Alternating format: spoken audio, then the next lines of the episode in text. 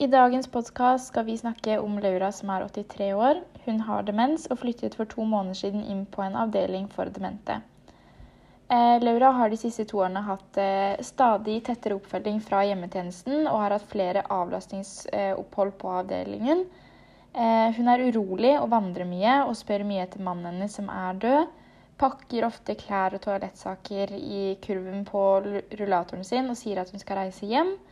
Eh, men hun har jo veldig lyst til å betale for seg, da. Eh, vi skal nå da ta for oss disse forskjellige tingene som Laura eh, sliter litt med, og skal fortelle hvordan vi vil håndtere dette.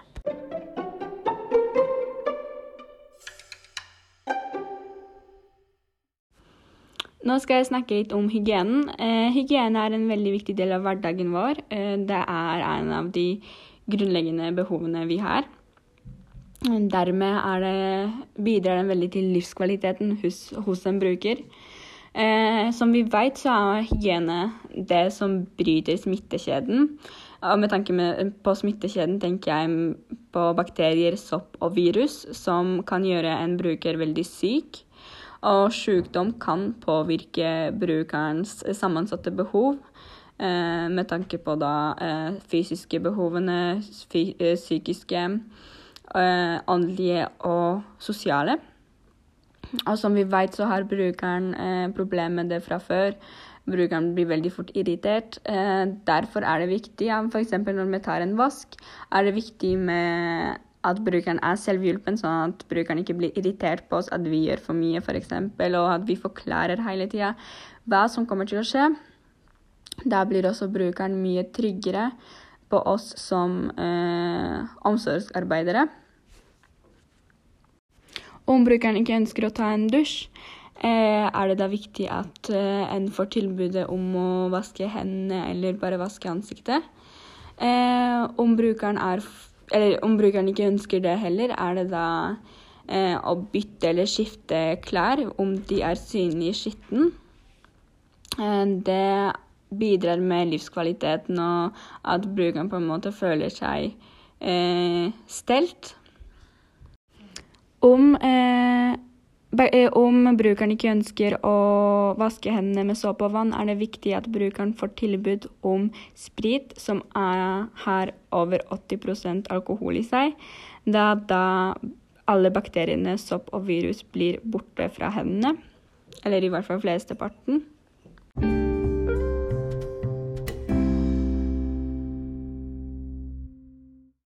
Ja, så Laura har jo blitt delvis inkontinent for urin og avføring.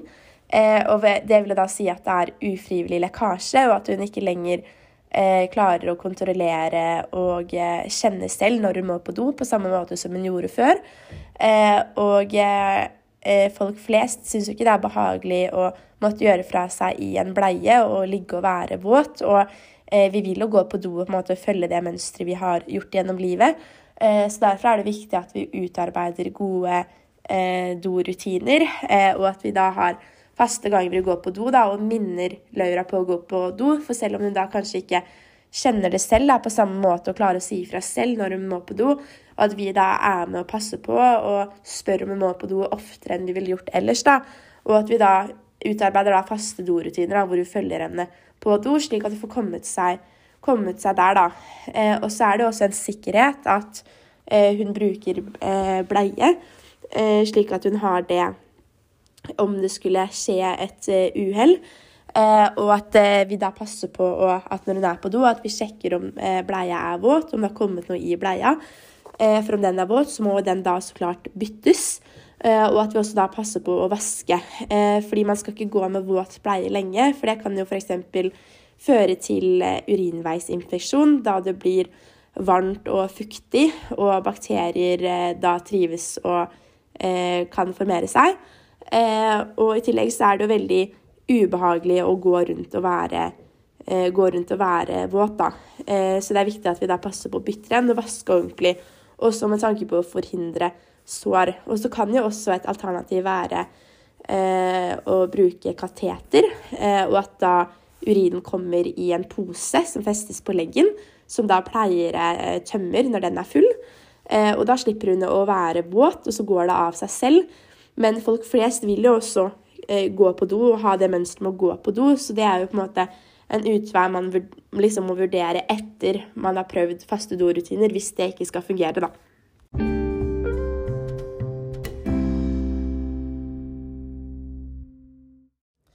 Laura, som har demens, har et problem med både å spise og drikke.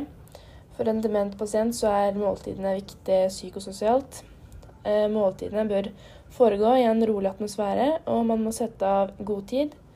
Enkelte demenspasienter mister også sult- og metthetsfølelsen. Eh, og så er det viktig at personalet ser til at pasienten får dekka behovet for ernæring. Eh, for å være viss på at pasienten eller Laura da, får i seg tilstrekkelig med næring, så anbefales det å veie henne.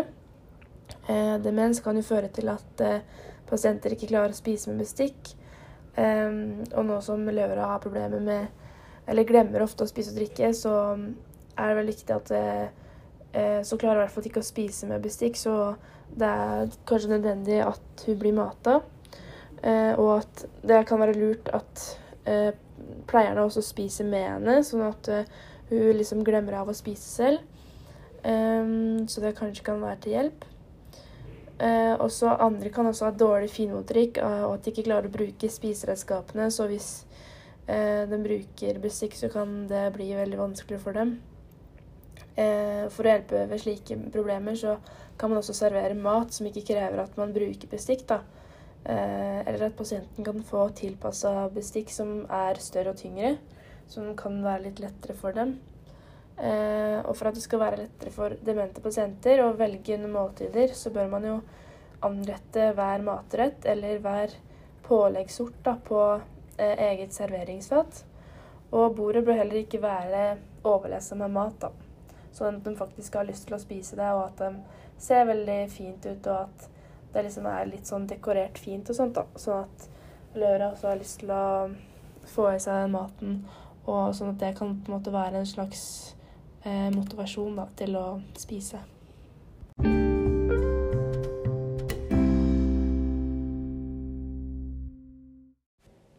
Ja, Laura har jo da som mange ganger nevnt demens, og kan pga. dette oppleve en del uro.